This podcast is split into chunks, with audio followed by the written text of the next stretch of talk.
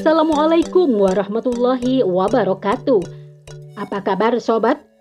Pendengar setiap podcast Narasi Pos. Berjumpa kembali dengan saya, Mimi Mutmainah. Seperti biasa akan menemani ruang dengar Anda dalam rubrik Opini. Kali ini saya akan membawakan judul CPNS mengundurkan diri. Jaminan kehidupan layak tidak didapatkan dalam sistem kapitalis oleh Mariam. Ikuti selengkapnya di podcast Narasi Pos, narasipos.com, cerdas dalam literasi media, bijak menangkap peristiwa kunci. Sebanyak 105 calon pegawai negeri sipil CPNS memutuskan untuk mengundurkan diri setelah lolos seleksi tahap akhir. Namun kini mereka akan dikenakan deretan sanksi. Sanksi yang diberikan mulai dari denda sejumlah uang dari 25 juta hingga 100 juta tergantung tahapan posisi dan penempatan mereka Bahkan, mereka akan di blacklist dari proses rekrutmen di periode selanjutnya sebagai aparatur negara. Hal ini diungkapkan oleh Badan Kepegawaian Negara BKN per 20 Mei 2022. Namun angka ini turun menjadi hanya 100 orang per Jumat 27 Mei 2022. Dari data yang diberikan, Kementerian Perhubungan menjadi instansi terbanyak CPNS yang mengundurkan diri di sana. Pas.com 27 Mei 2022 Kepala Biro Hukum, Humas, dan Kerjasama BKN Satya Pratama menyatakan bahwa alasan yang membuat CPNS mundur salah satunya melihat gaji dan tunjangan yang mereka terima dianggap kecil. Berdasarkan peraturan Kepala BKN nomor 9 tahun 2012 tentang pedoman pelaksanaan pengadaan calon pegawai negeri sipil hanya menerima 80% dari besaran pegawai negeri sipil. Sementara gaji PNS dihitung dari pergolongan.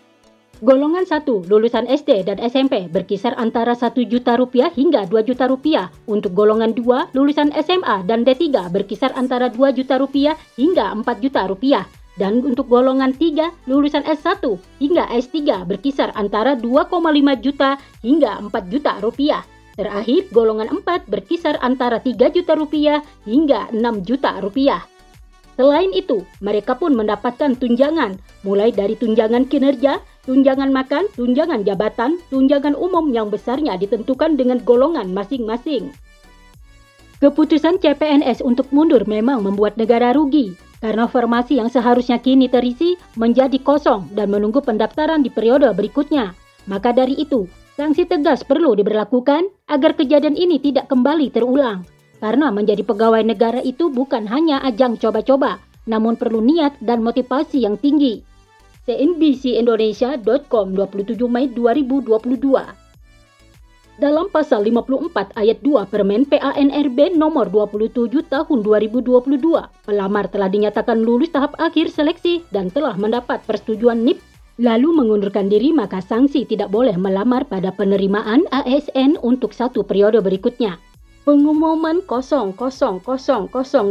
strip KP strip 11 strip 2019 strip 24 strip 03 terkait seleksi penerimaan CPNS Kementerian Luar Negeri tahun anggaran 2019 bagi pelamar Kemenlu yang mengundurkan diri wajib membayar sanksi 50 juta rupiah. Untuk di Kementerian Perencanaan Pembangunan Nasional RI jika pelamar mengundurkan diri membayar sanksi 35 juta rupiah. Sedangkan menurut pengumuman nomor Peng 11 garis miring 11 garis miring 2019 terkait seleksi penerimaan CPNS, Badan Intelijen Negara tahun 2019 menjelaskan denda sebagai penerimaan, bukan pajak yang diberlakukan bagi pelamar yang A. telah dinyatakan lulus namun mengundurkan diri sebesar 25 juta rupiah. B. telah dinobatkan sebagai CPNS lalu mengundurkan diri sebesar 50 juta rupiah. Telah diangkat CPNS dan sudah mengikuti diklat intelijen tingkat dasar dan diklat yang lainnya kemudian mengundurkan diri sebesar 100 juta rupiah. CNBCIndonesia.com 27 Mei 2022 Profesi PNS menjadi impian sebagian masyarakat saat ini. Mereka menganggap setelah menjadi PNS hidup mereka terjamin, masa depan cerah dan bisa mendapatkan gaji tetap serta jaminan di hari tua. Namun ekspektasi ini dihalangi oleh berbagai kebijakan yang ada. Masyarakat dalam sistem kapitalisme selalu menstandarkan apa pun dengan materi, berbondong-bondong mencari pendapatan yang cukup. Karena jika mereka tidak memiliki dana mumpuni, maka akan tergerus dengan kerasnya kehidupan. Di sistem ini maka tidak akan ada jaminan hidup layak. Penerapan ideologi kapitalisme ini memang akar dari banyaknya permasalahan yang terjadi. Pemisahan antara agama dan kehidupan malah membuat manusia sewenang-wenang dan berbuat sesuka hati dengan mengandalkan akalnya yang terbatas dan egonya yang tinggi. Sistem ini akan selalu memprioritaskan eksistensi para pemilik modal dan menihilkan peran negara untuk mengatur urusan rakyat. Alhasil, negara selalu diam ketika kebutuhan dasar publik dijadikan ladang bisnis untuk meraup keuntungan bagi sejumlah pihak. Sedangkan rakyat kecil selalu dicekik dengan beban hidup yang semakin rumit. Harga kebutuhan pokok sehari-hari semakin melonjak tinggi karena komersialisasi para korporat. Oleh karena itu, memang tidak aneh jika para CPNS mengundurkan diri hanya karena gaji yang mereka inginkan tidak sesuai ekspektasi, jaminan yang layak jauh dari kata mencukupi. Inilah wajah asli kapitalisme selalu gagal dalam menyelesaikan problem dan menimbulkan permasalahan baru. Berbeda dalam sistem Islam, dalam institusi negara bernama Hilafah, konsep peraturan kepegawaian dalam Daulah Hilafah yang dijelaskan oleh Syekh Taqiyuddin An-Nabahani dalam kitab Mukaddimah Ad-Dustur pasal 98 yang menjelaskan bahwa setiap warga khilafah baik laki-laki maupun perempuan, muslim ataupun kafir berhak diangkat menjadi direktur atau mudir atau menjadi pegawai dalam jihad dari struktur administrasi. Ketentuan ini diambil dari hukum ijaroh atau kontrak kerja. Dengan ketentuan ini, seluruh pegawai yang bekerja pada khilafah diatur sepenuhnya di bawah hukum ijaroh. Dalam konteks sebagai pegawai, mereka bertugas mengurus rakyat sesuai dengan yang ditugaskan. Adapun standar gaji di negara khilafah akan dihitung berdasarkan kelayakan standar hidup wilayah tempat tinggal mereka. Gaji tersebut akan dipastikan cukup untuk memenuhi kebutuhan pokok seperti sandang, pangan, dan papan tiap-tiap individu ataupun keluarga.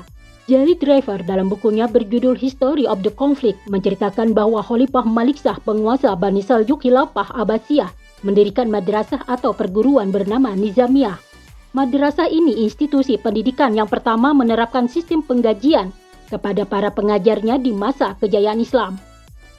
Seorang profesor hukum yang mengajar di sana menerima gaji sebesar 40 dinar, sedangkan profesor di Mesir mendapatkan 60 dirham dan asistennya 40 dirham.